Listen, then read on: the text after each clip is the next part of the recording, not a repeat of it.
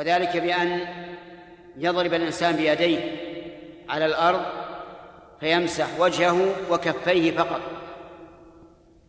وهي أي طهارة التيمم بدل عن طهارة الماء وهي من خصائص هذه الأمة.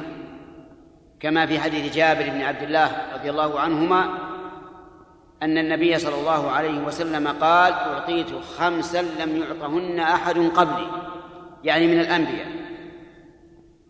وفضل الله تعالى واسع ولا حجر على الله.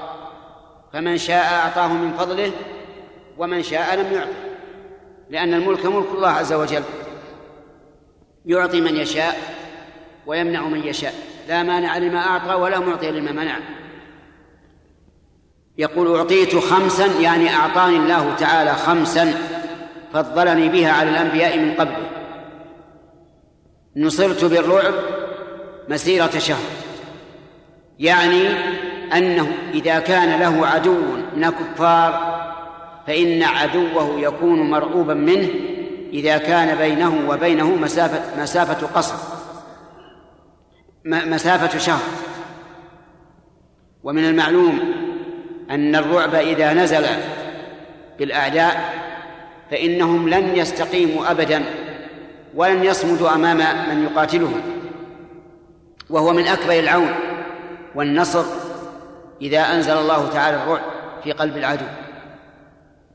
وهذه للنبي صلى الله عليه وسلم ولأمته لكن لأمته الذين يجاهدون جهادا أي يقاتلون لتكون كلمة الله هي العليا. لا من أجل عصبية أو حمية أو عروبة أو ما أشبه ذلك. إذا كان المسلمون حقيقة يقاتلون لله وبالله وفي الله فإنهم منصورون بالرعب مسيرة شهر أما الذين يقاتلون من أجل الديار يقيمون عليها دين الله أو لا يقيمونه ولكن لأجل التربة فقط فهؤلاء ليسوا مقاتلين في سبيل الله.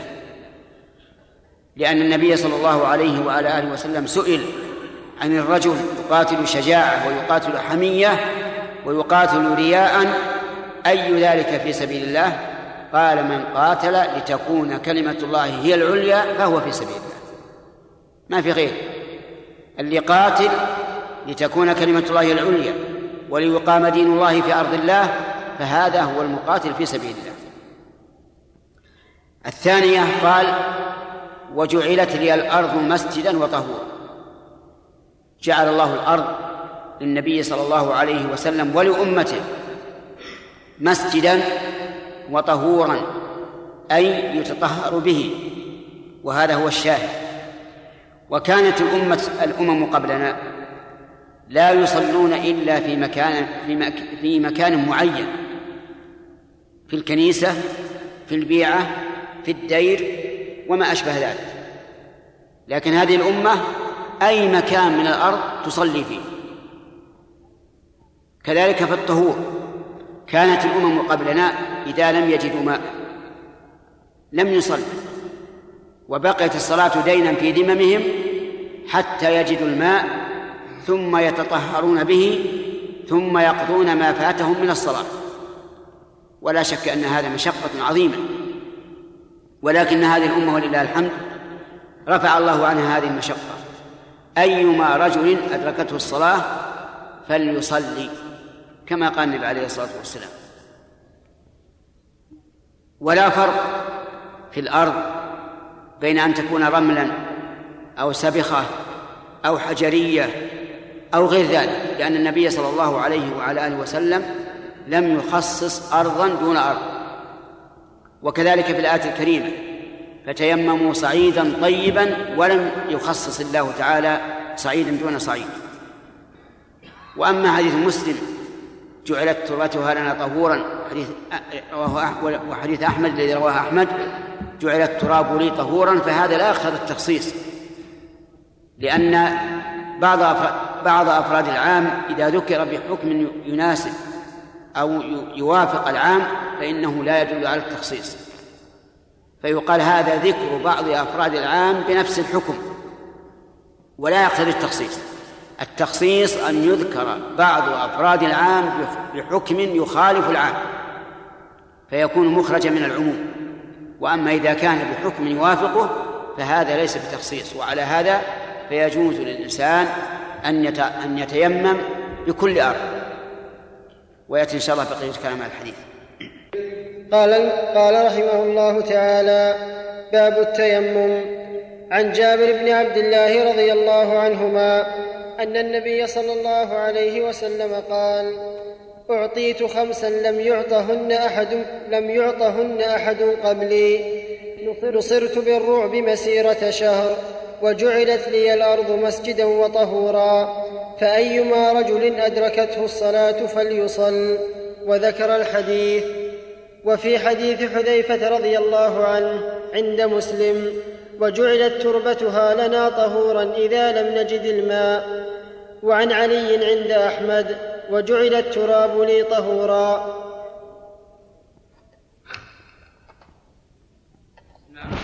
سبق الكلام على هذا الحديث ابتداء ونكمل الكلام عليه إن شاء الله. يقول عليه الصلاة والسلام جعلت لي الأرض مسجدا وطهورا. الجاعل ذلك هو الله عز وجل. فقد جعل الله هذه الأرض مسجدا أي مكانا للصلاة وطهورا أن يطهر من الأحداث. فأما الأول وهو كونها مسجدا فإن هذا هو الأصل. الأصل أن جميع الأرض مسجد. فمن قال من الناس إن هذه البقعة لا يصح فيها لا تصح فيها الصلاة فعليه الدليل. وإلا فالأصل أن جميع الأرض مسجد وبناء على هذا الأصل إذا صلى الإنسان في في دار مغصوبة أو أرض مغصوبة فالصلاة صحيحة لأنها من الأرض. وقد قال النبي صلى الله عليه وعلى آله وسلم جعلت الأرض مسجدا وطهورا. والغصب ليس له جهة أخرى. لا شك أنه آثم بغصبه الأرض واستيلائه عليها لكن الصلاة ليس ليس لها دخل في الموضوع. كذلك أيضا لو صلى إنسان في المسجد الحرام في الكعبة أو في الحجر فريضة أو نافلة فصلاته صحيحة لأنها من الأرض فتدخل في العموم. وكذلك لو صلى الإنسان في الشارع فصلاته صحيحة لأن الشارع من الأرض. وقد قال النبي عليه الصلاة والسلام جعلت الأرض مسجدا وطهورا. أما إذا دل الدليل على أنه لا يصلى في هذا المكان معين فلا يصلى فيه. مثاله لو صلى الإنسان في مقبرة فإنه لا يصح أن يصلي في المقبرة سواء كانت القبور خلفه أو عن يمينه أو شماله أو أمامه. لأن النبي صلى الله عليه وسلم سد جميع طرق الشرك والصلاة في المقابر وسيلة من وسائل الشرك. إلا أنه يستثنى من ذلك الصلاة على الجنازة فإنه لا بأس أن يصلى عليها في المقبرة لأن النبي صلى الله عليه وعلى آله وسلم صلى على قبر قبل بعد ما دفن. ولأن الصلاة في المقبرة لها سبب معلوم ظاهر يرى وهو كون الميت بين يدي المصلي فلوجود هذا السبب الحسي الظاهر يضعف كون الصلاة وسيلة لعبادة القبور. كذلك أيضا مما نهي عنه من الأماكن أعطان الإبل. أعطان الإبل يعني مرحها مرحها التي تأوي فيها وتبيت فيها. هذه لا يصح فيها الصلاة لا تصح فيها الصلاة. وأما مباركها العارضة مثل أن تجد في البر مبارك إبل فلا بأس أن تصلي فيه. لكن الأمكنة التي تأوي إليها وتقيم فيها فهذه لا يصلى فيها لأن النبي صلى الله عليه وسلم نهى عن الصلاة في مبارك الإبل. يعني في أعطانها. وأما الغنم فيصلى في في أعطانه. ولا بأس بذلك لأن النبي صلى الله عليه وسلم سئل أن يصلي في مرابض الغنم؟ قال نعم. ومن ذلك أيضا من الأماكن التي ينهى عن عن الصلاة فيها الأماكن النجسة. فالأماكن النجسة لا تجوز الصلاة فيها لأن النبي صلى الله عليه وسلم لما بال الأعرابي في المسجد أمر أن يطهر مكانه.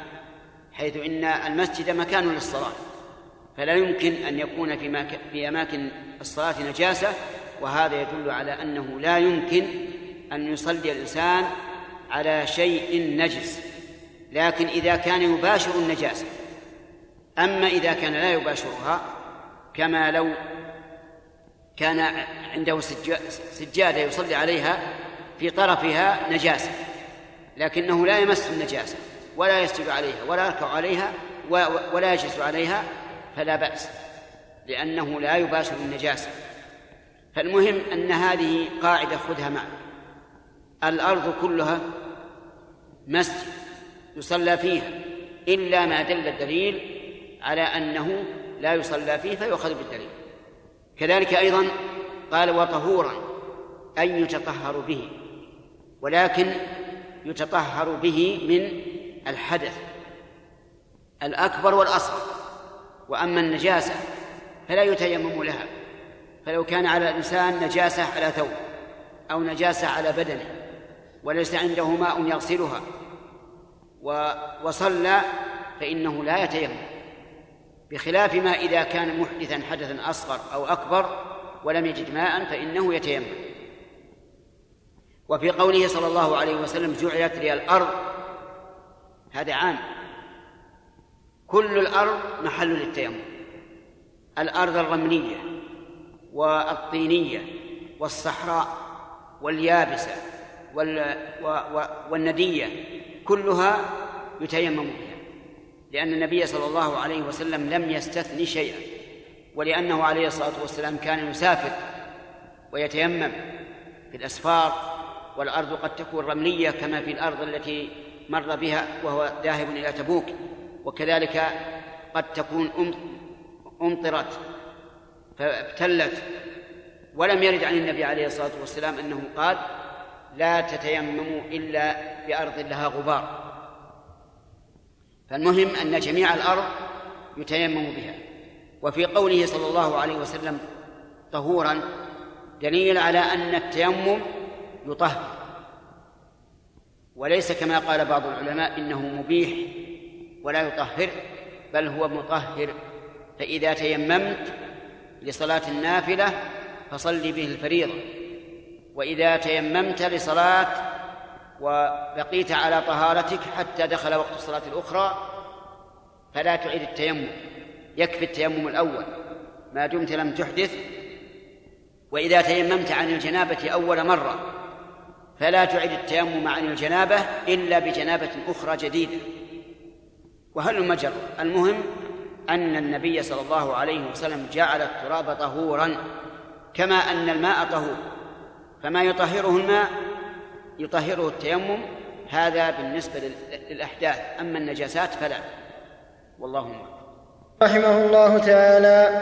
باب التيمم.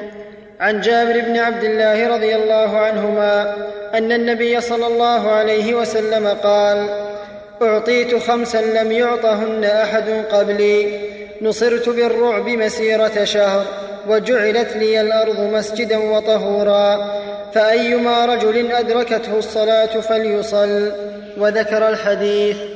وفي حديث حذيفة رضي الله عنه عند مسلم وجعلت تربتها لنا طهورا إذا لم نجد الماء. وعن علي عند أحمد وجعل التراب لي طهورا. بسم الله الرحمن الرحيم. سبق الكلام على حديث جابر رضي الله عنه في بعض جمله.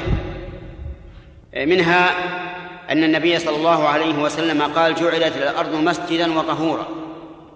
وبينا أن الأرض كلها مسجد تصح الصلاة فيها إلا ما دل الدليل على أنه لا يصلى فيه وأن جميع الأرض أيضا يتيمم عليها سواء كانت رملية أو ترابية أو صخرية ندية أو يابسة لعموم لعموم الحديث. وفي وفي وفي الحديث من الفوائد أن المحافظة على الوقت أشد اعتبارا من المحافظة على غيره ولهذا يصلي الإنسان في الوقت على كل حال حتى لو فرض أن الإنسان لا يستطيع أن يتيمم ولا يستطيع أن يتوضأ فإنه يصلي ولو بلا تيمم ووضوء لأن الوقت مقدم على كل شيء. أيما رجل أدركته في الصلاة فليصلي على أي حال كان. وفي بقية الحديث أحلت لي الغنائم ولم تحل لأحد قبلي. الغنائم هي ما يغنمه ما يغنمه المسلمون من الكفار عند قتالهم. وذلك أن المسلمين مأمورون بالجهاد والجهاد فرض كفاية فإذا جاهدوا الكفار وغنموا أموالهم فالغنائم هذه حلال. كما قال النبي صلى الله عليه وسلم جعل رزقي تحت ظل رمحي. وكما قال الله تعالى ومغانم كثيرة تأخذونها فالمغانم ما يؤخذ من الكفار بالقتال. هي حلال لهذه الأمة. أما الأمم السابقة فإنهم إذا غنموا من أعدائهم أموالا جمعوها في مكان. ثم أنزل الله من من السماء نارا فأحرقتها. فلا يستفيد منها المسلمون. لكن هذه الأمة ولله الحمد أحل الله لها المغانم. يعني ما كسبوه من الكفار بالقتال. وأعطيت الشفاعة. وهذه الشفاعة هي الخاصة بالرسول صلى الله عليه وعلى آله وسلم. الشفاعة أن يشفع للخلق يوم القيامة. حين يحشرون حفاة عراة غرلا. نحشر يوم القيامة ليس علينا ثياب ولا نعال والختان يرجع فيكون الناس كأنهم لم يختنوا في الدنيا. يرجعون على هذا. وفي بعض ألفاظ الحديث بهما يعني ليس معهم أموال. الحر والعبد والذكر والأنثى والمالك والمملوك كلهم في صعيد واحد كلهم عراة.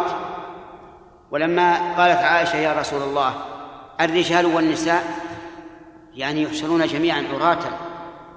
قال نعم الرجال والنساء. لكن الأمر أشد من أن يهمهم ذلك. كل كل لاهن بنفسه لا ينظر بعضهم إلى بعض. لأن الهول شديد. اليوم مقداره خمسون ألف سنة والشمس فوق الرؤوس بمقدار ميل والجبال تتطاير هباء منبثا وإن زلزلة الساعة شيء عظيم. يلحق الناس من الغم والكرب ما لا يطيقون ما يستطيعون طاقته. فيقول بعضهم لبعض اطلبوا من يشفع لنا إلى الله عز وجل. يأتون إلى آدم يذكرونه بنعمة الله عليه أن الله خلقه بيده وأسجد له الملائكة وعلمه أسماء كل شيء.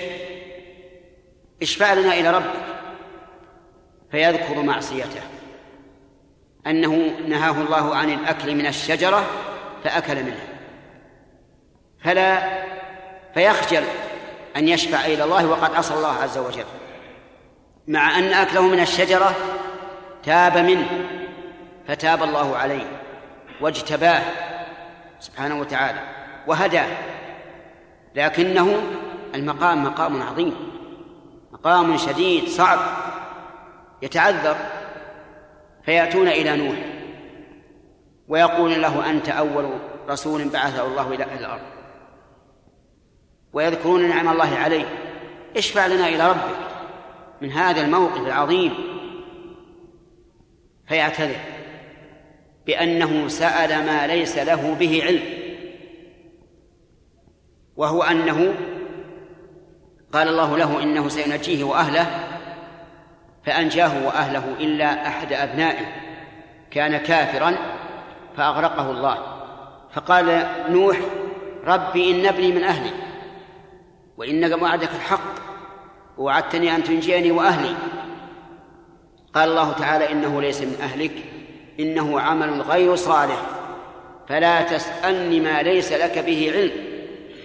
إني أعظك أن تكون من الجاهلين.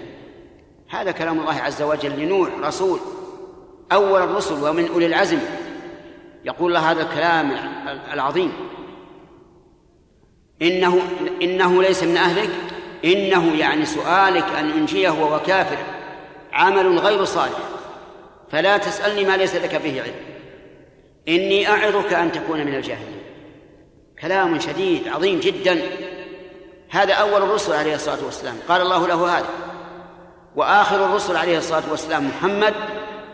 قال الله تعالى وإذ تقول للذي أنعم الله عليه وأنعمت عليه أمسك عليك زوجك. وهو زيد بن حارثة رضي الله عنه. أمسك عليك زوجك واتق الله وتخفي في نفسك ما الله مبديه وتخشى الناس والله أحق أن تخشاه. هذا أيضا موعظة عظيمة شديدة جدا على من؟ على أفضل الرسل. أفضل الرسل عليه الصلاة والسلام يقول الله له هذا لأن الله عظيم عز وجل. ولا ينفع عنده نسب ولا حسب. إن أكرمكم عند الله أتقاكم رزقني الله وإياكم التقوى. ما في لا قريب ولا بعيد الناس عند رب العالمين سواء إلا المتقون. يأتون إلى نوح يعتذر. بماذا؟ بأنه سأل ما ليس له به علم. يأتون إلى إبراهيم عليه الصلاة والسلام إمام الحنفاء. وخليل الرحمن عز وجل يسألونه الشفاعة ويذكرونه بنعمة الله عليه ولكنه يعتد بأنه كذب ثلاث كذبات وهذه الكذبات تورية لا يأثم بها الإنسان لكن لما كان المقام مقام شفاعة والأمر عظيم رأى أن مثل هذا يمنعه أن يتقدم للشفاعة فيعتذر فيذهبون إلى موسى عليه الصلاة والسلام وهو أفضل أنبياء بني إسرائيل. وقصته في القرآن كثيرة معروفة وهو قوي في ذات الله عز وجل.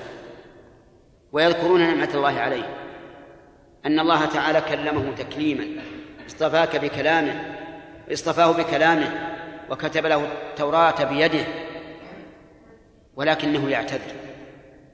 يعتذر بأنه قتل نفسا لم يؤمر بقتلها وهو القبطي الذي رآه في شجار مع رجل من بني إسرائيل من قوم موسى فيعتذر. يعتذر مع أن الأمر سهل لا لكن لأنه تاب من ذلك وأوتي الرسالة. لكن كما قلت لكم المقام مقام عظيم والأمر خطير. والشفاعة ما هي هينة في هذا المقام. يعتذر ثم يأتون إلى عيسى. وكل واحد آدم يحولهم على نوح ونوح على إبراهيم وإبراهيم على موسى وموسى على عيسى. يأتون إلى عيسى فيعتذر لكنه لا يذكر ذنبا يعتذر بأن بأن هناك مقاما أرفع من مقامه وهو مقام محمد صلى الله عليه وسلم. لا يقول إنه فعل ذنبا أو شيئا من هذا لا. يقول اذهبوا إلى محمد. عبد غفر الله له ما تقدم من ذنبه وما تأخر. فيأتون إلى رسول الله صلى الله عليه وسلم ويقول أنا له عليه الصلاة والسلام. ثم يستأذن من رب العزة والجلال أن يشفع فيأذن الله له. هذه الشفاعة أعطيها الرسول عليه الصلاة والسلام وحده لم يشاركه فيها أحد. وهي داخلة في ضمن قوله تعالى ومن الليل فتهجد به نافلة لك عسى أن يبعثك ربك مقاما محمودا. وهذا والله مقام محمود. كل الأمم كل الأمم تحت شفاعته هذه المؤمن والكافر من من من في من, من كان من هذه الأمة وغيرها. وانظر إلى ربنا جل وعلا كيف أراد أن يظهر فضل هذا النبي. ألهم الله الناس أن يذهبوا إلى آدم ثم نوح ثم إبراهيم ثم موسى ثم عيسى حتى انتهت إلى رسول الله صلى الله عليه وسلم. ولو شاء الله إيش؟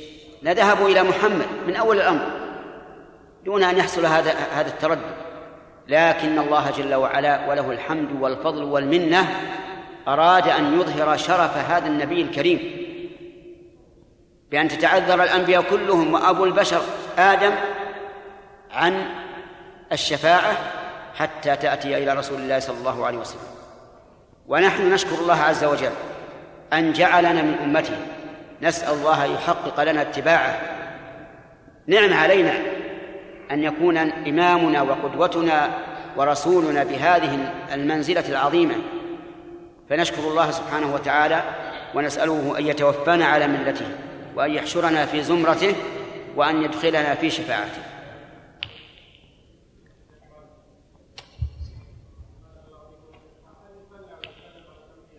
أي نعم.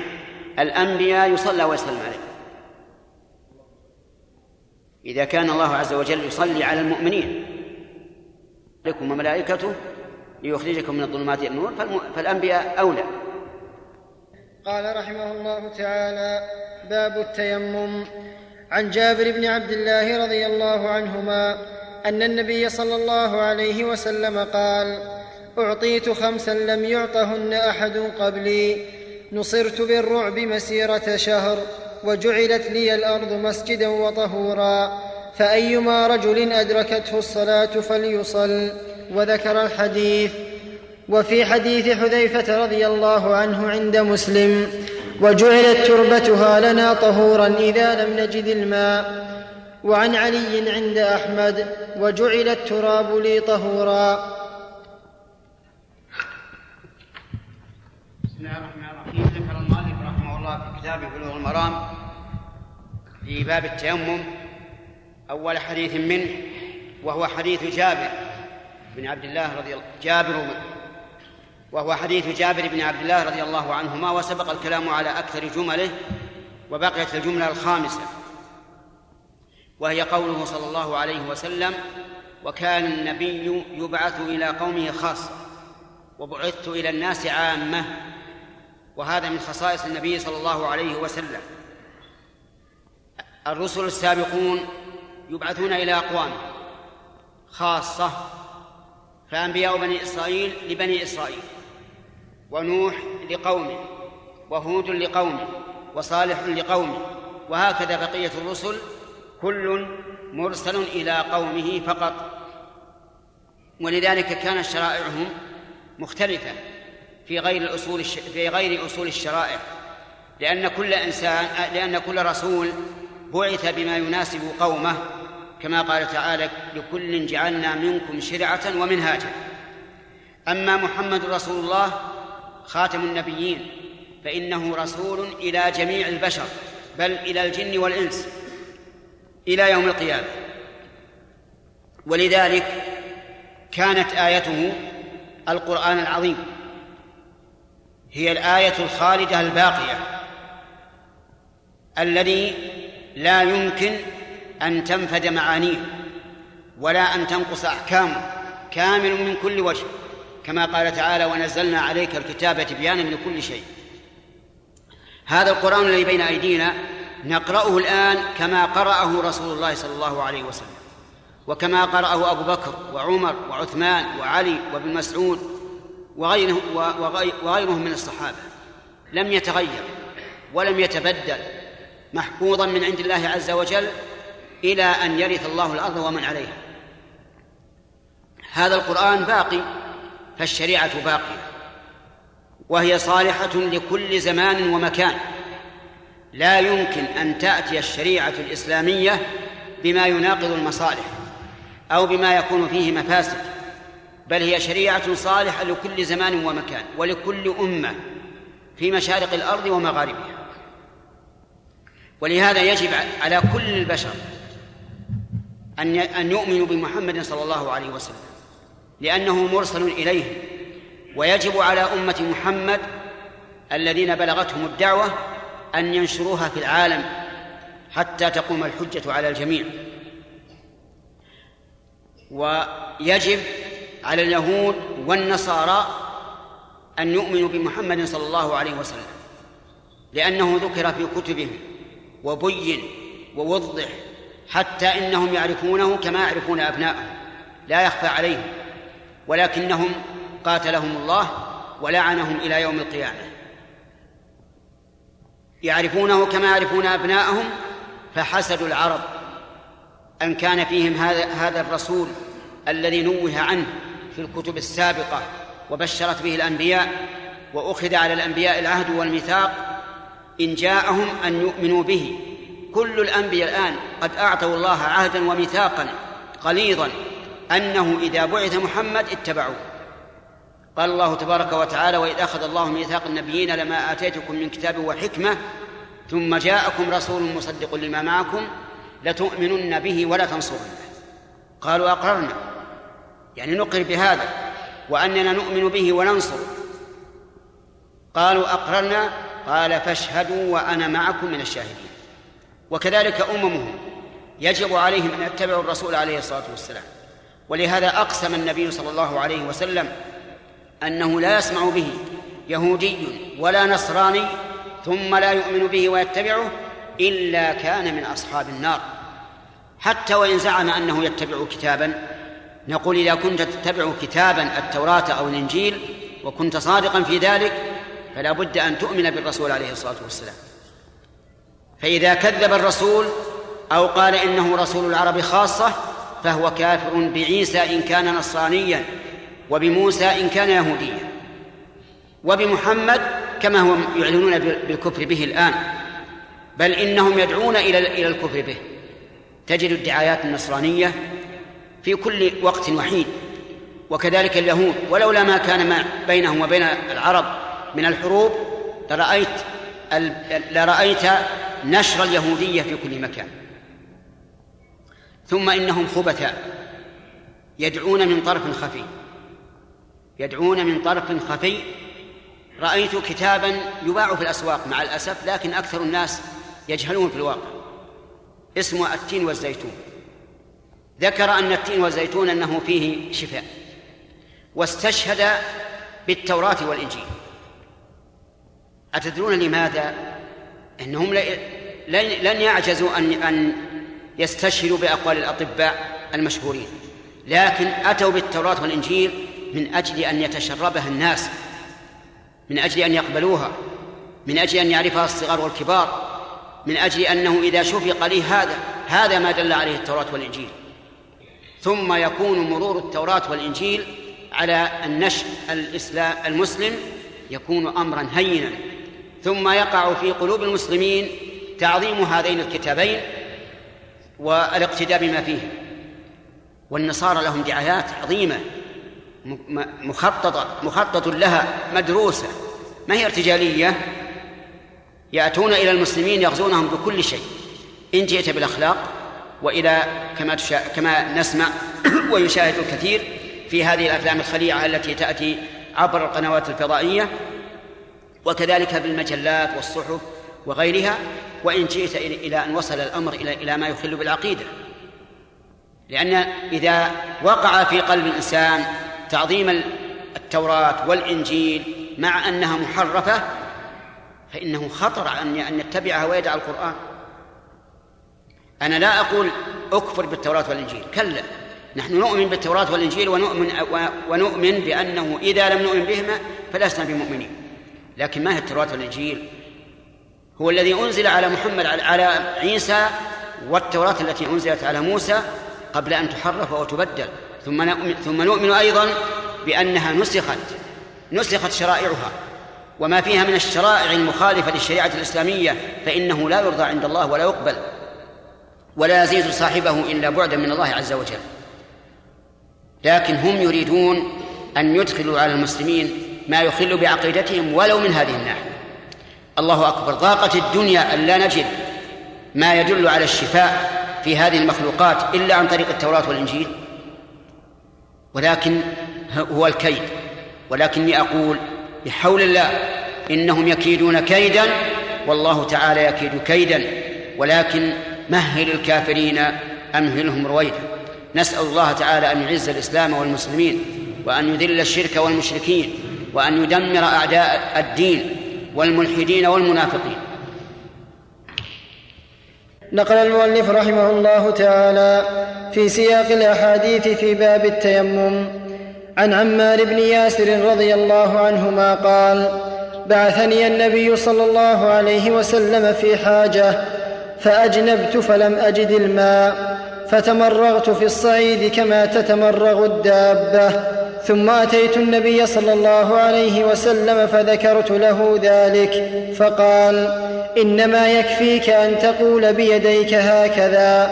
ثم ضرب بيديه الأرض مر ثم ضرب بيديه الأرض ضربة واحدة.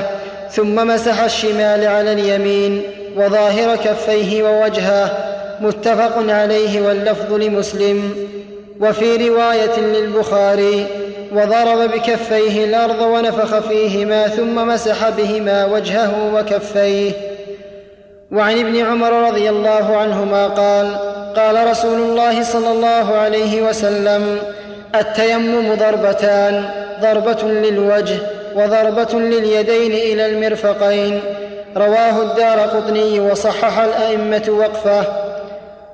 وعن, أب وعن أبي هريرة رضي الله عنه قال قال رسول الله صلى الله عليه وسلم الصعيد وضوء الصعيد وضوء المسلم وإن لم يجد الماء عشر سنين فإذا وجد الماء فليتق الله وليمسه بشرته رواه البزار وصححه ابن القطان لكن صوب الدار قطني ارساله وللترمذي عن أبي ذر نحوه وصححه.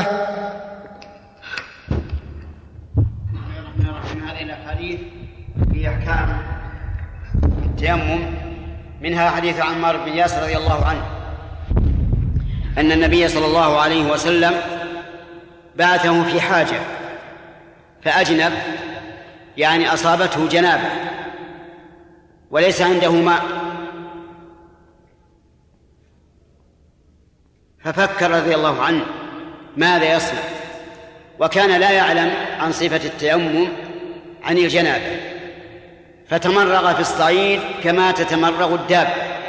يعني تقلب على الأرض كما كما تتقلب الدابة ظنا منه أن التيمم كالغسل يجب أن يعم جميع البدن. ثم صلى. ثم أتى النبي صلى الله عليه وسلم بعد ذلك وأخبره فقال إنما كان يكفيك أن تقول بيديك هكذا وضرب بيديه الأرض فمسح بهما وجهه وكفيه. ولم يأمره النبي صلى الله عليه وعلى آله وسلم أن يعيد الصلاة لأنه رضي الله عنه اجتهد وظن أن هذا هو الواجب ففعله. ففي هذا الحديث دليل على فوائد. منها أن الإنسان إذا لم يجد النص من القرآن والسنة على حكم المسألة فله أن يجتهد ولا يتوقف. يجتهد إن أصاب فله أجران وإن أخطأ فله أجر. ولهذا لم يعنف النبي صلى الله عليه وسلم عمار بن ياسر رضي الله عنه حينما اجتهد وتمرأ في الصعيد. ومنها أنه يجوز التيمم عن الجنابة كما يجوز التيمم عن الحدث الأصغر. وقد حصل وقد كان فيه خلاف قديم لكن الأمة والحمد لله بعد ذلك أجمعوا على أنه لا, لا, لا بأس أن يتيمم عن الجنابة كما يتيمم عن الحدث الأصغر. ومنها أن التيمم عن الجنابة وعن الحدث الأصغر سواء. بخلاف طهارة الماء. فالجنابة لا بد أن يعم جميع البدن. وأما الوضوء ففي الأعضاء الأربعة كما هو معروف. أما أما التيمم فهو في عضوين فقط هما الوجه والكفان. ومنها أي من فوائد حديث عمار أن التيمم ضربة واحدة لا ضربتان.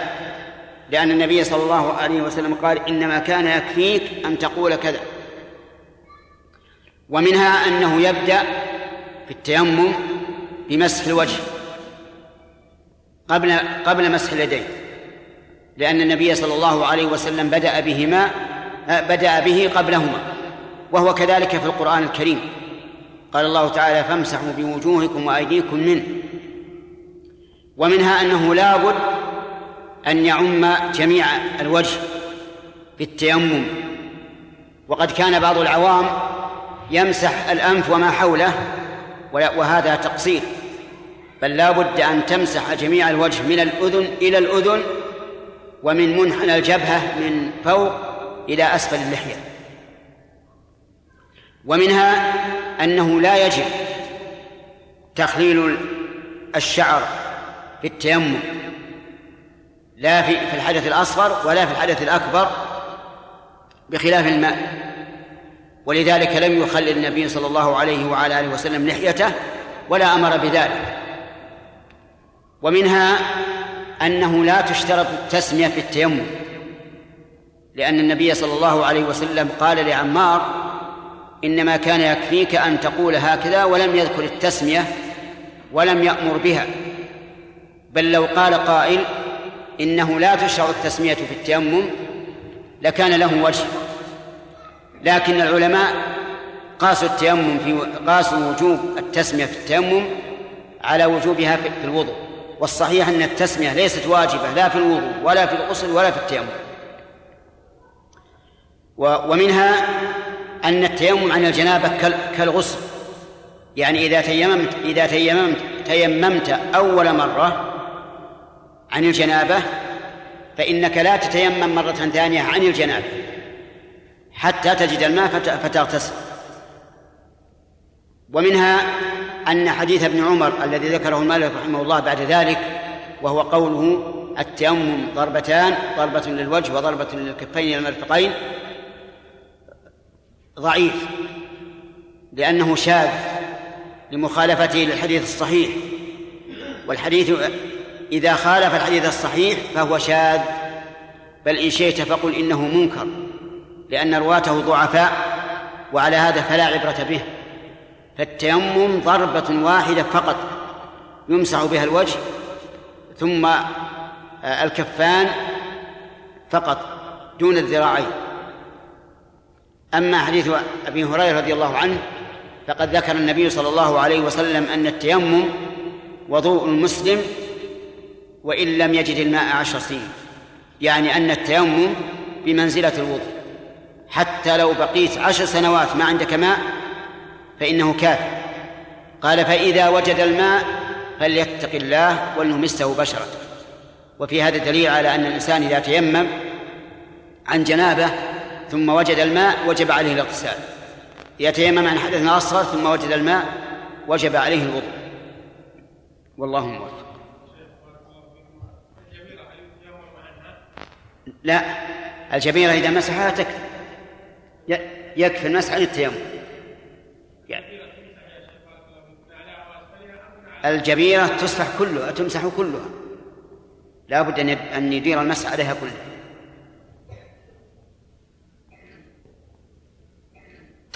الجبيرة يعني اللزقة على الجرح أو على الكسر أو ما أشبه ذلك. نقل المؤلف رحمه الله تعالى في سياق الأحاديث في باب التيمم. عن أبي سعيد الخدري رضي الله عنه قال خرج رجلان في سفر فحضرت الصلاة وليس معهما ماء فتيمما صعيدا طيبا فصليا ثم وجد الماء في الوقت فأعاد أحدهما الصلاة والوضوء ولم يعد الآخر. ثم أتيا رسول الله صلى الله عليه وسلم فذكرا, فذكرا ذلك له فقال فقال للذي لم يعد أصبت السنة وأجزأتك صلاتك؟ وقال للآخر لك الأجر مرتين رواه أبو داود والنسائي. بسم الله الرحمن الرحيم. قال الحافظ حجر رحمه الله فيما نقله من الأحاديث في كتاب التيمم. عن أبي سعيد الخدري رضي الله عنه أن رجلين خرجا في سفر في عهد النبي صلى الله عليه وسلم. خرجا مسافرين فحضرت الصلاة ولم يعين أي صلاة كانت وهذا لا يضر. المهم أنها حضرت الصلاة وليس عندهما ماء. فتيمما صعيدا طيبا ثم صليا. ثم بعد الصلاة وجد الماء في الوقت. يعني أنهما بعد أن صليا وجد الماء. أما أحدهما فلم يصل واكتفى بالصلاة الأولى.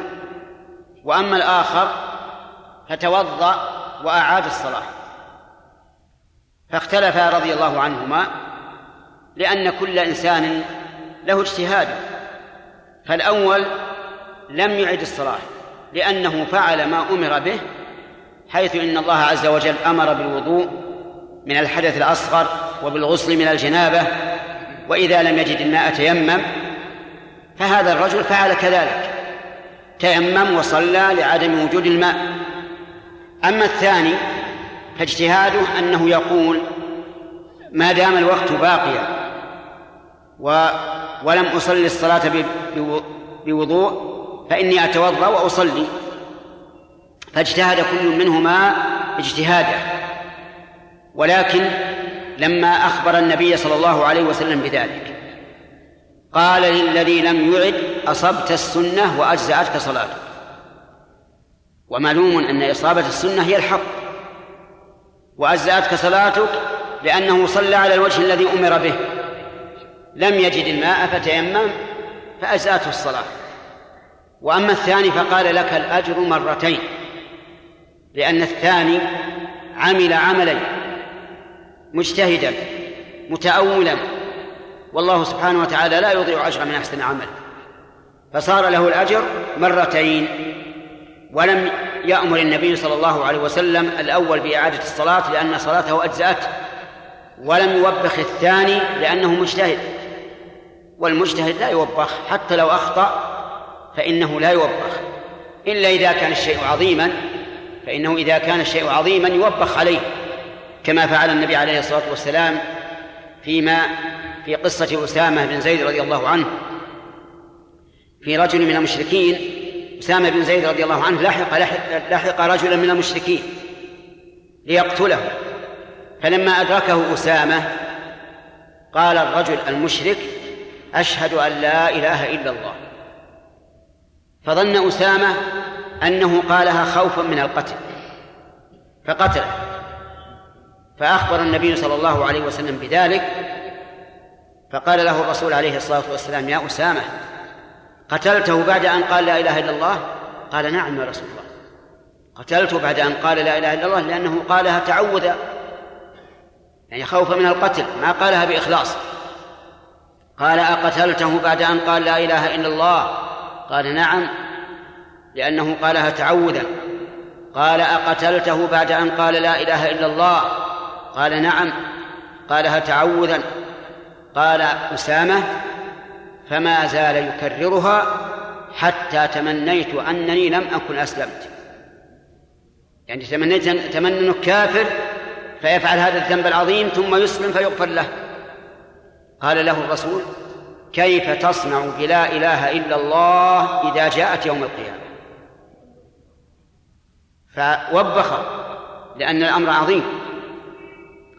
ففي هذا الحديث الذي ساقه المؤلف حديث أبي سعيد دليل على أن الإنسان إذا تيمم لعدم وجود الماء ثم حضر الماء إما أتى به أحد أو أمطرت السماء فصار الماء أو وصل إلى مكان فيه الماء فإنه لا يعيد. لا يعيد ولا شيء عليه. تجزئه صلاته. وفيه أيضا دليل على أن الإنسان إذا عمل العمل مرتين اجتهادا فإنه يؤجر مرتين. فضلا من الله عز وجل. وإلا لكان الثاني لما لم يكن على السنة ليس له أجر فيه. ولكن لما كان يفعله تقربا إلى الله واجتهادا أثابه الله عليه. لأن فضل الله عز وجل أوسع من من منعه عز وجل ورحمته سبقت غضبه فإن قال قائل لو حصلت مثل هذه القضية ثم أعاد الإنسان يعني تيمم إنسان صلى ثم وجد الماء في الوقت وأعاد قال أريد طلب الأجر مرتين وهو يدري أن السنة لا يعيد فهل له الأجر مرتين؟ الجواب لا ليس له أجر مرتين. لأنه إذا علم السنة وخالفها فليس عليه فليس له أجر بل هو إلى الوزر الأقرب. وفي هذا الحديث دليل على أن الاجتهاد لا لا ينكر لا ينكر على صاحبه. إذا علمنا منه حسن النية وأنه لم ينوي المخالفة لكن هذا الذي أداه إليه اجتهاده فإنه لا ينكر عليه. لكن يبين له الصواب. أما الإنكار فلا. فلو أن إنسانا آه، معه امرأته معه امرأته كاشفة وجهها بناء على أن هذا هو المعروف عند علمائه وأنهم لا يرون به بأسا فهذا لا ينكر عليه لأنه مجتهد وهذا الذي أداه إليه اجتهاد لكن ينصح ويقال إن هذا قول ضعيف ولا والقول الصحيح أنه يجب عليها أن تستر وجهها ويبين له ذلك. هذا هذا من جهة الحكم الشرعي.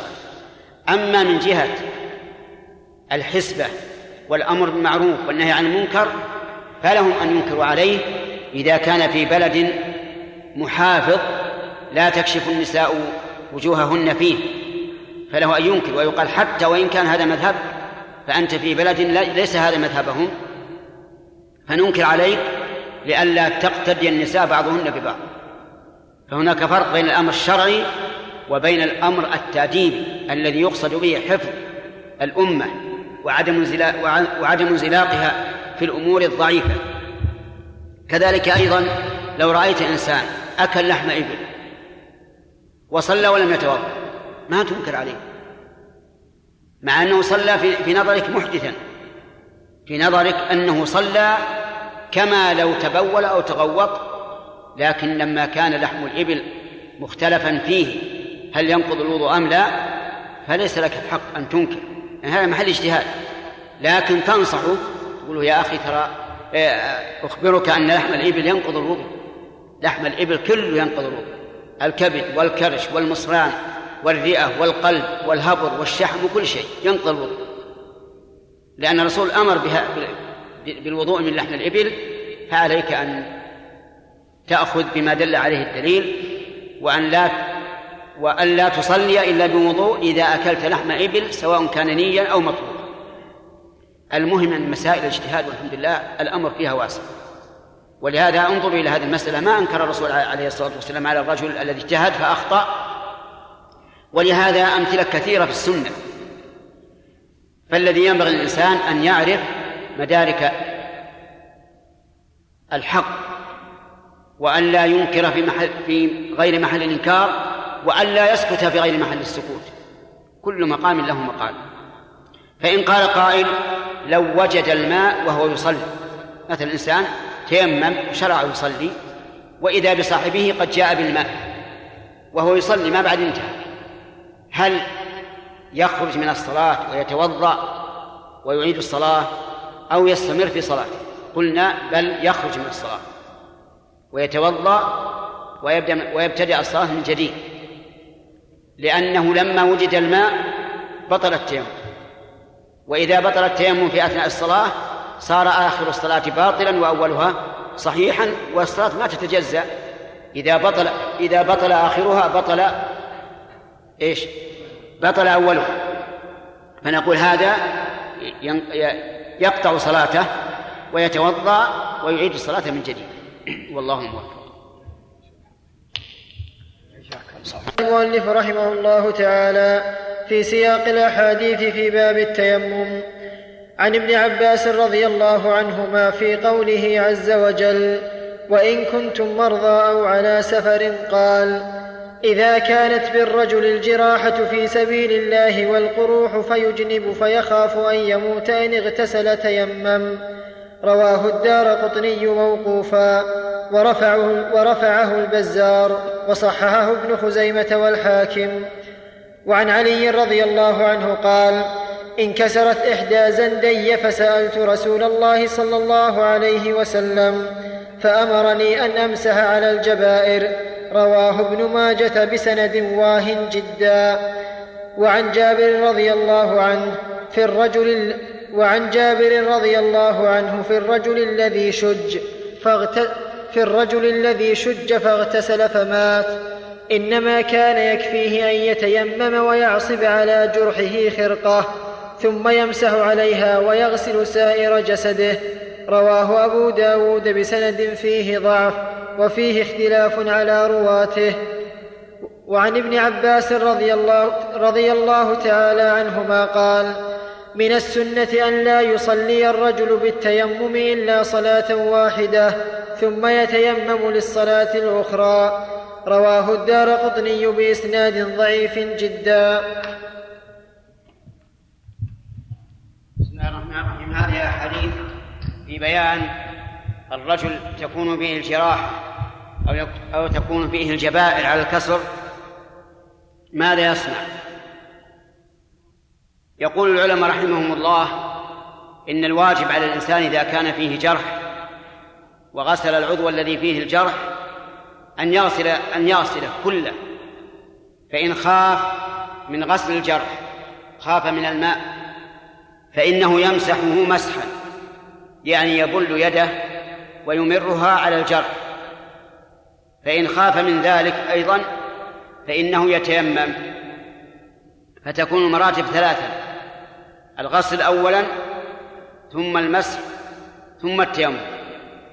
وكذلك إذا كان على الإنسان جبيرة يعني قد لف على يده جبيرة وذلك إذا انكسرت اليد مثلا ثم جبرت ولف عليها خرقة فإنه يمسح على الخرقة في الحدث الأصغر والأكبر إلى أن تبرأ.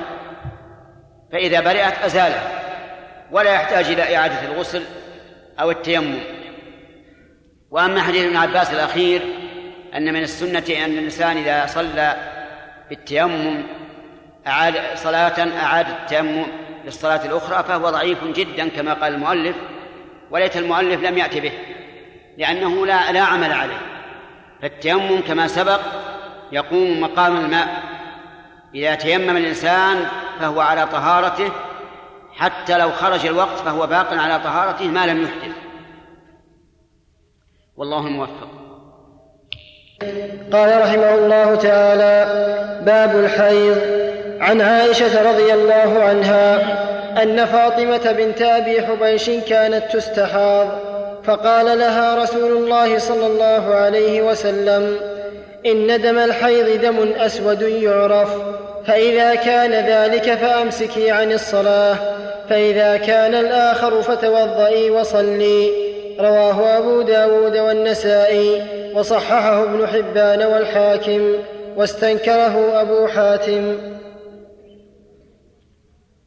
وفي حديث أسماء بنت وفي وفي حديث أسماء بنت عميس عند أبي داود ولتجلس في مركن فإذا رأت صفرة فوق الماء فلتغتسل للظهر والعصر غسلا واحدا وتغتسل للمغرب والعشاء غسلا واحدا وتغتسل للفجر غسلا واحدا وتتوضأ فيما بين ذلك.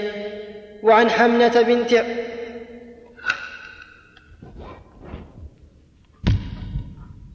الله الرحمن الرحيم قال الحافظ ابن حجر رحمه الله في كتابه بلوغ المرام باب الحيض.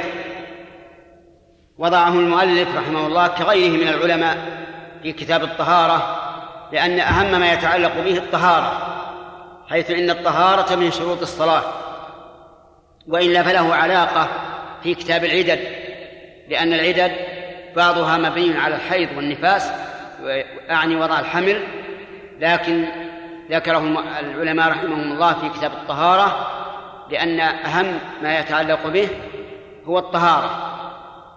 الحيض دم طبيعة وجبلة يعتاد المرأة إذا بلغت سنا تتهيأ به للحمل لأنه بإذن الله يغذي الجنين في بطن أمه. فالإنسان الجنين في بطن أمه لا يأكل ولا يشرب ولكن الله تعالى جعل في وسط بطنه جعل سرة أو سرة منغمسة في جدران الرحم تمتص الدم ليتغذى به الجنين. والله سبحانه وتعالى على كل شيء قدير ولهذا يتغذى به لكنه لا يصل إلى معدته لأنه لو وصل الدم إلى المعدة احتاج إلى البراز إلى البول والغائط وهذا غير ممكن لكنه بإذن الله يتفرق هذا الدم في عروقه ولا يحتاج إلى خروج. وهذا الدم دم طبيعي جعله الله في المرأة منذ خلقت كما قال النبي صلى الله عليه وعلى آله وسلم حين دخل على عائشة في حجة الوداع وحاضت في أثناء الطريق بعد أن أحرمت بالعمرة متمتعة فدخل عليها وهي تبكي رضي الله عنها لأنها عرفت أنها لن تطوف ولن تسعى وهي حائض لأن الطواف لا يصح من الحائض والسعي لا يصح إلا مسبوقا بطلب والسعي لا يصح إلا مسبوقا بطواف. فقال ما شأنك؟ أخبرته أنها حائض قال إن هذا شيء كتبه الله على بنات آدم. فدل هذا الحديث على أنه ليس من, من ليس سببه نساء بني إسرائيل ولكن السبب الطبيعة الطبيعة طبيعة المرأة هكذا. هذا الحيض له أحكام متعددة له أحكام متعددة كثيرة تبلغ عددا كثيرا. منها أن الحائض لا تصلي بإجماع المسلمين. ولو صلت فهي آثمة. ومنها أنها لا تقضي الصلاة التي تمر بها وهي حائض بالإجماع أيضا. لم يخالف في هذا إلا الخوارج المتشددين في الدين. هم الذين خالفوا في ذلك. وإلا فقد أجمع المسلمون على أن الحائض لا تقضي الصلاة ومنها أنه يحرم عليها أن تصوم لا فريضة ولا نافلة وهذا أيضا بالإجماع. ومنها أنها لو صامت فهي آثمة ولا يجزئها وهذا أيضا بالإجماع. ومنها أنها لو لو ومنها أنها لو أفطرت وجب عليها القضاء إذا كان الصوم واجبا وهذا أيضا بالإجماع. فالحائض تقضي الصوم ولا تقضي الصلاة. وقد سألت امرأة أم المؤمنين عائشة رضي الله عنها قالت لها ما بال الحائض تقضي الصوم ولا تقضي الصلاة؟ قالت لها أحرورية أنت. يعني أنت من الخوارج؟ قالت لا ولكني أسأل. قالت كان يصيبنا ذلك فنؤمر بقضاء الصوم ولا نؤمر بقضاء الصلاة. والخوارج يرون أن المرأة الحائض تجب عليها الصلاة لكن لا تصليها إلا بعد طهارتها فتقضيها. الحيض له علامات له علامات ذكره في هذا الحديث حديث عائشة رضي الله عنها أن فاطمة بنت أبي حبيش سألت النبي صلى الله عليه وسلم فأخبرها أن دم الحيض أسود يعرف وفي لفظ يعرف أي له له رائحة. فالحيض له علامات دم الحيض. أولا أنه أسود ودم الاستحاضة أحمر كغيره من الدماء. ولهذا وصفه النبي صلى الله عليه وسلم أعني دم الاستحاضة بأنه دم عرق ودم ودماء العروق معروفة حمراء. أما دم الحيض فهو أسود. الثاني أنه يعرف يعني له رائحة منتنة كريهة. الفرق الثالث أنه غليظ دم الحيض ودم الاستحاضة ليس غليظا رقيقا لأنه دم عرق. الفرق الرابع أن دم الحيض لا يتجمد لا يتجمد بخلاف دم الاستحاضة فإنه يتجمد. فهذه أربع علامات. تفرق بين الحيض وبين الاستحاضة. فما حكم المرأة إذا أتاها أتتها الاستحاضة؟ حكمها أن تجلس أيام الحيض. ثم تغتسل وتصلي ولو كان الدم يمشي. لأن ما ما عدا الحيض تجب فيه الصلاة. فمثلا إذا قدرنا امرأة يأتيها الدم عشرين يوما وتطهر عشرة أيام. هذه مستحاضة. نقول لها إذا كانت ليس لها عادة سابقة نقول اجلسي دم الحيض ثم اغتسل. إذا قالت ما هو دم الحيض نقول هو الأسود المنتن الثخين الذي لا يتجمع. هذا دم الحيض. فإذا قالت إن حيضها سواء ليس فيه فرق. قلنا اجلسي ستة أيام أو سبعة من أول ما أتاك الحيض. فمثلا إذا أتاها في نصف الشهر أول ما أتاها نقول اجلسي ستة أيام أو سبعة وفي الشهر الثاني من النصف اجلسي ستة أيام أو سبعة. فالمستحاضة ترجع إلى عادتها إن كانت ذات عادة. ثم إلى التمييز ثم إلى عادة غالب النساء ستة أيام أو سبعة. فإذا قال قائل الحائض هل تطوف؟ قلنا لا الحائض لا تطوف لأن النبي صلى الله عليه وعلى آله وسلم قال لعائشة أحرمي بالحج يعني ولا تطوفي ولا تسعي حتى تطهري. ولما أراد الرجوع إلى المدينة قيل له إن صفية قد حاضت وصفية من أمهات المؤمنين رضي الله عنها. قال أحابستنا هي؟ قالوا إنها قد أفاضت. قال فانفروا. فدل ذلك على أن الحائض لا تطوف بل إذا كان إذا كان طوافها ركنا من أركان الحج أو العمرة وجب عليها أن تبقى حتى تطهر ثم تطوف.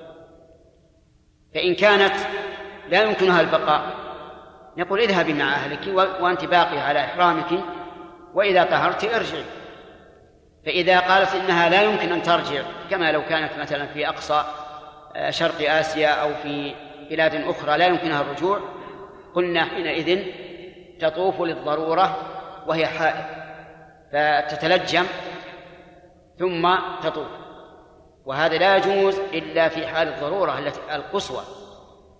وعلى هذا فالمرأة التي في السعودية مثلا لا يمكن أن يلحقها الضرورة.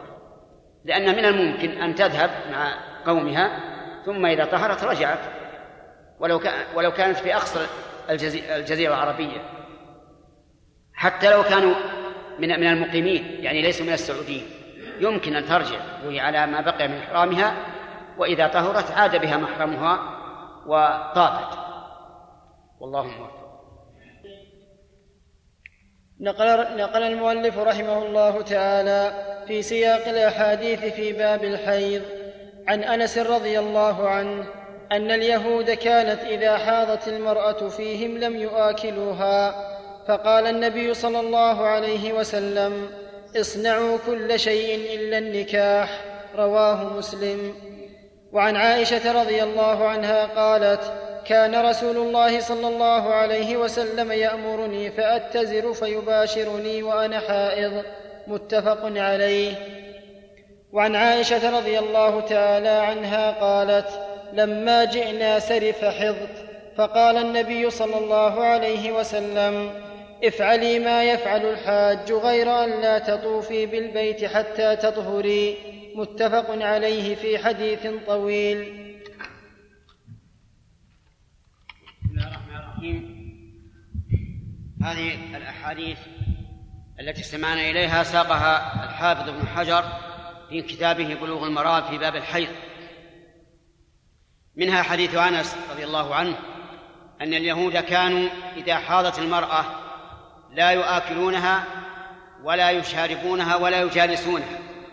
يبتعدون عنها وهذا من تشددهم في الطهارة لأن اليهود يتشددون في الطهارة حتى قيل إنهم إذا تنجس الثوب عندهم لا يطهره إلا أن يقصوا القطعة التي أصابتها النجاسة ولا يمكن أن تطهر بالغسل عندهم وعلى عكس النصارى النصارى قدرون لو يرى العذرة على ثوبه لا يبالي بها. ولهذا كانت هذه الأمة في باب الطهارة وسطا بين اليهود والنصارى. اليهود يتشددون والنصارى يتهاونون.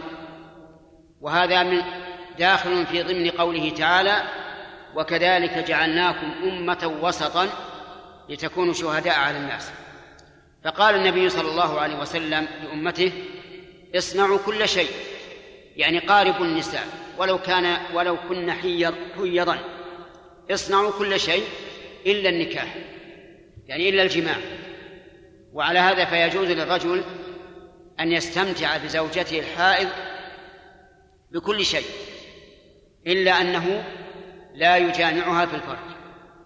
وأما التقبيل والضم والمباشرة فيما دون الفرج فإن ذلك لا بأس به.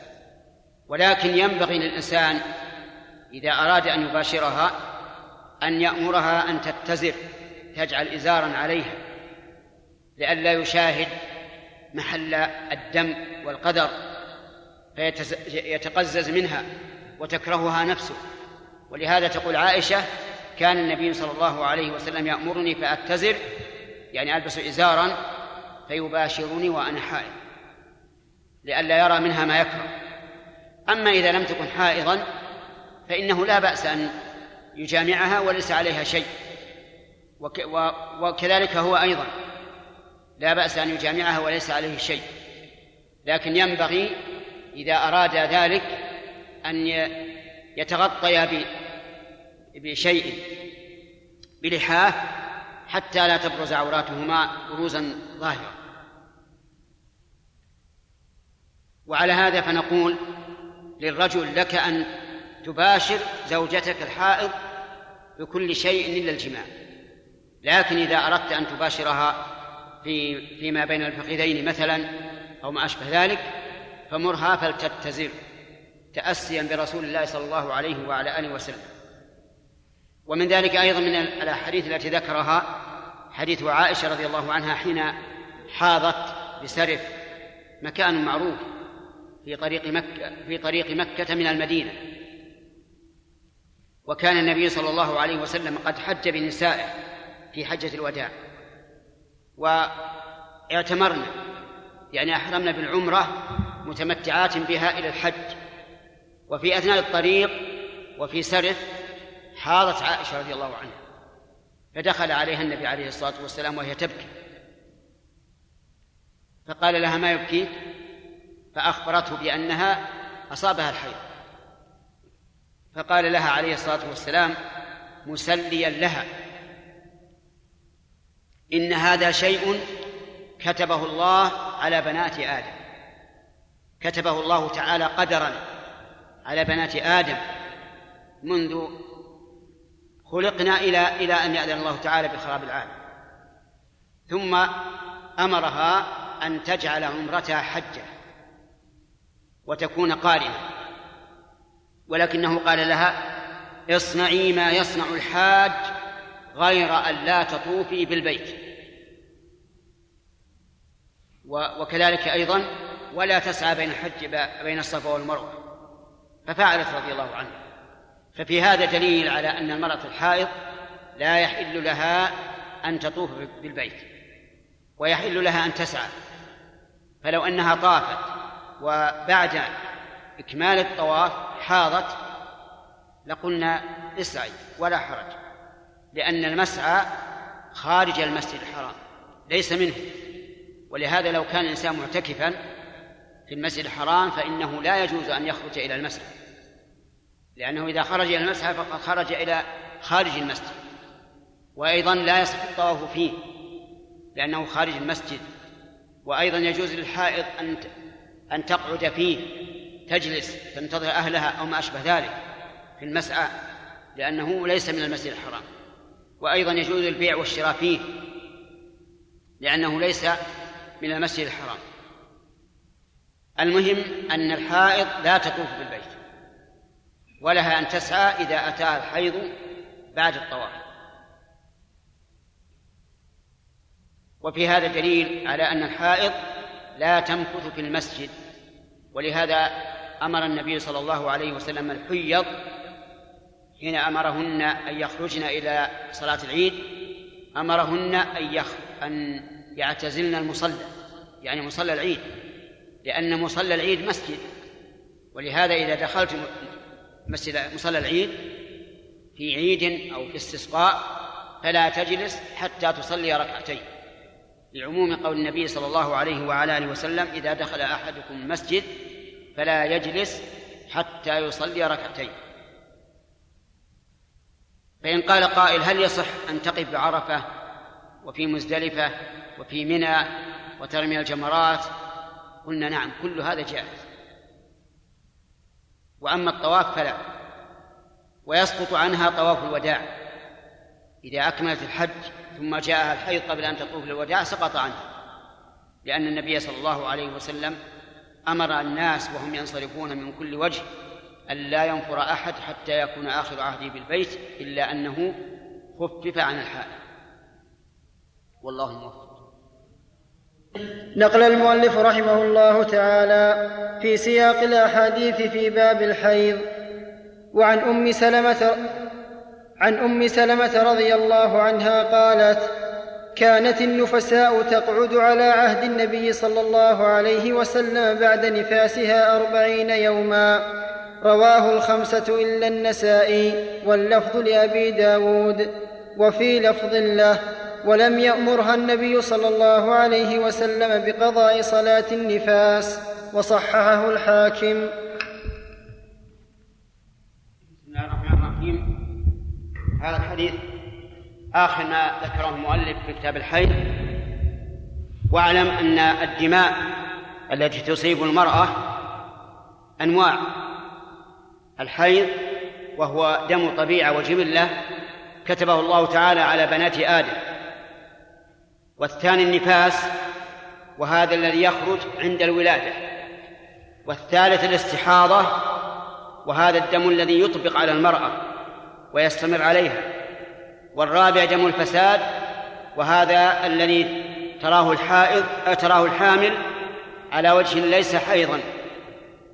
فهذه أربعة دماء أهمها الحيض وقد سبق الكلام فيه.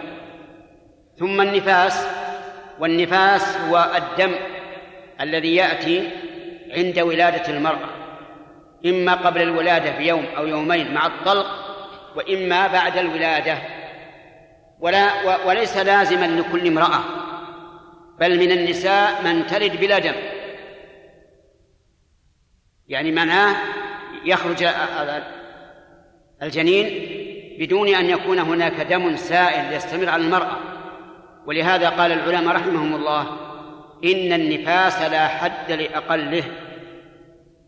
ربما تبقى المرأة يوما أو يومين أو خمسة أو عشرة أو أربعين يوما أو إلى ستين يوما.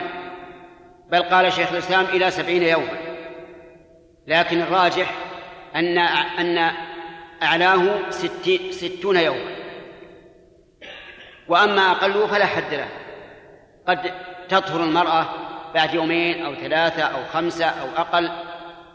وإذا طهرت المرأة من النفاس فإنها فإنه يلزمها أن تصلي حتى قبل الأربعين حتى قبل عشرة أيام.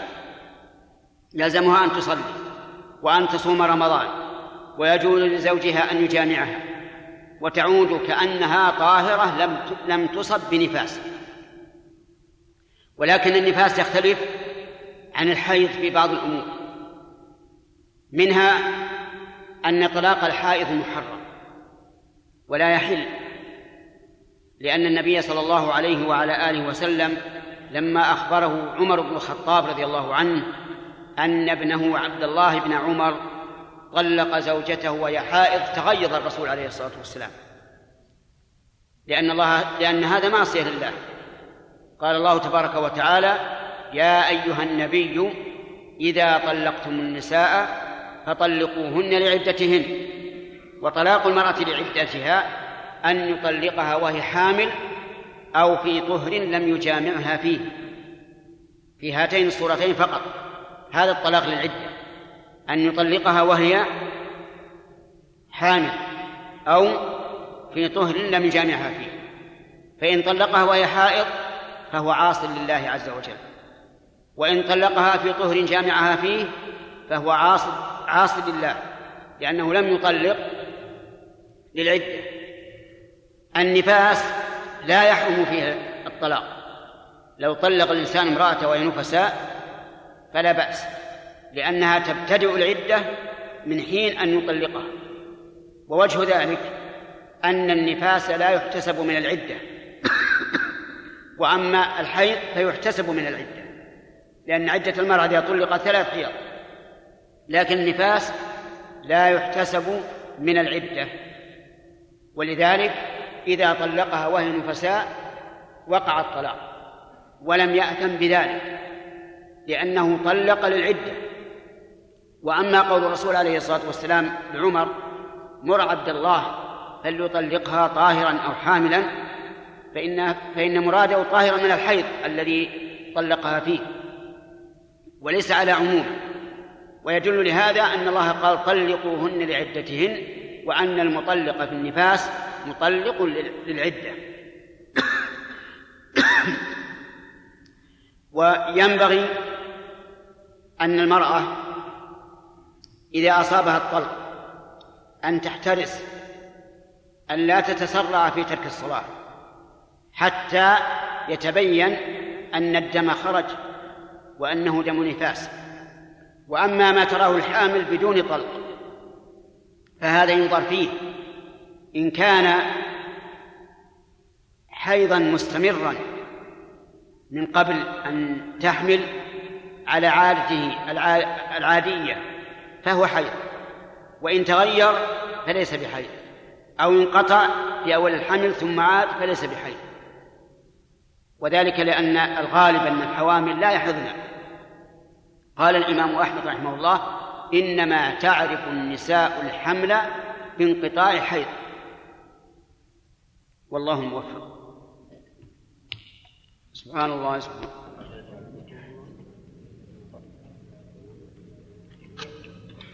بسم الله الرحمن الرحيم.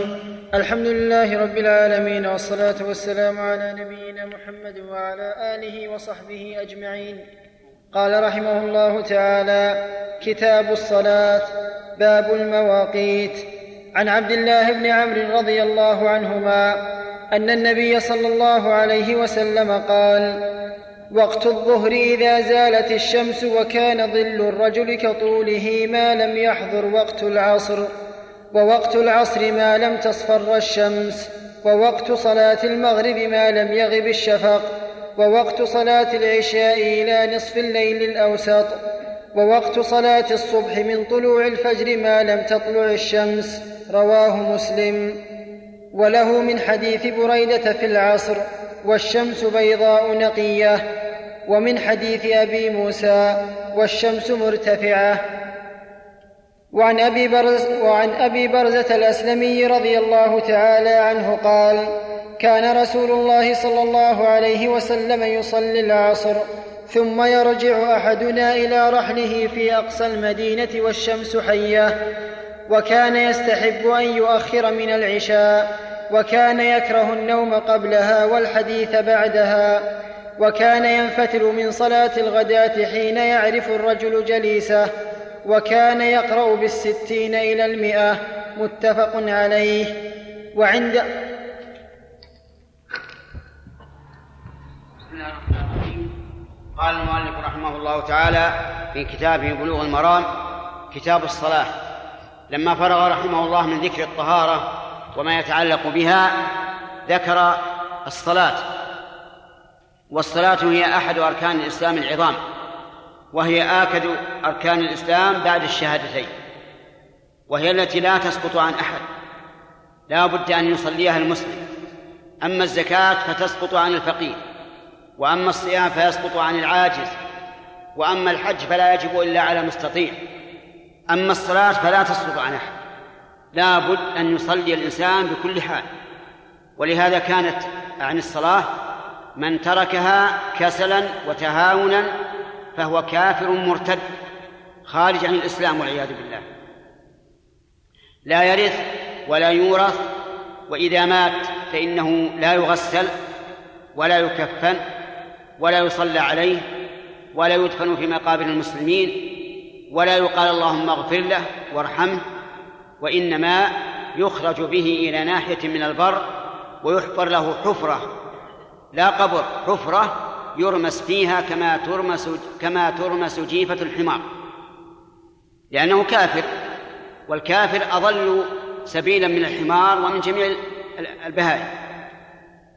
إلا إذا تاب وهداه الله إلا إذا تاب وهداه الله وأقام الصلاة فلا بأس. يعود إلى إسلام أما إن بقي مصرا على تركها حتى مات فهذا حاله. نسأل الله العافية. والزكاة والصلاة فرضها الله عز وجل على النبي صلى الله عليه وعلى آله وسلم بدون واسطة من الله إلى الرسول.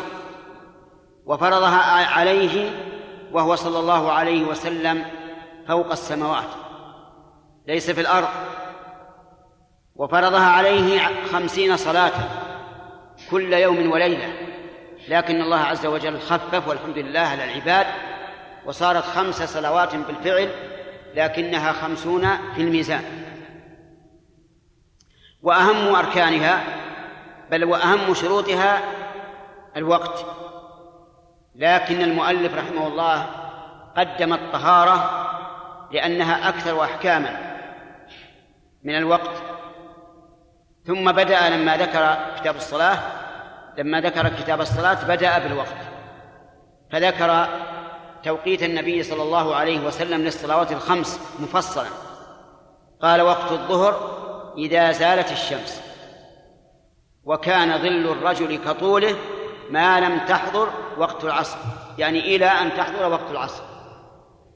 إذا زالت الشمس يعني إذا مالت نحو الغروب وعلامتها بالظل. وذلك أن الشمس إذا طلعت ارتفع لكل شيء شاخص يعني واقف ظل نحو المغرب. وكلما ارتفعت الشمس قصر هذا الظل. فإذا انتهى وبدأ بالزيادة فهذه هي العلامة على أن الشمس قد زالت. وطريقها بالساعات أن تقسم ما بين طلوع الشمس إلى غروبها نصفين. فالنصف هو الزوال. لأن الشمس تقطع السماء من المشرق إلى المغرب فإذا انتصفت فهذا هو الزوال. إذا انتصفت فيما بين المشرق والمغرب فهذا هو الزوال. يمتد وقت الظهر إلى دخول وقت العصر. وليس بينهما شيء. يعني ما في وقت بين بين الظهر والعصر بل يمتد وقت الظهر من زوال الشمس إلى دخول وقت العصر.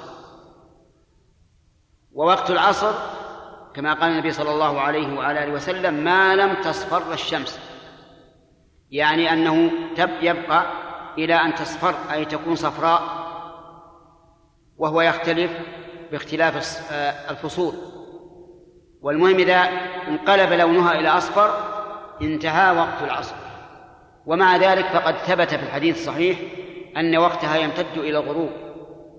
لكن ما بين اصفرار الشمس وغروب الشمس لا يجوز تأخير الصلاة إليه إلا لضرورة. ووقت المغرب ما لم يغب الشفق. يعني وقت المغرب من غروب الشمس إلى أن يغيب الشفق. والشفق هو اللون الأحمر الذي يتبع الشمس بعد الغروب. فإذا غاب دخل وقت العشاء إلى نصف الليل. ثم ينتهي وقت وقت الفرائض الأربع هذه. ويبقى من نصف الليل إلى طلوع الفجر ليس وقتا للصلوات المفروضة. وكيف نعرف نصف الليل؟